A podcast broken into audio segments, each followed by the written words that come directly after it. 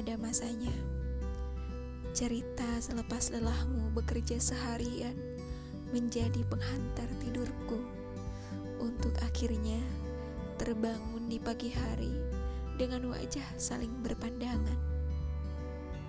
Dan hatiku bergumam,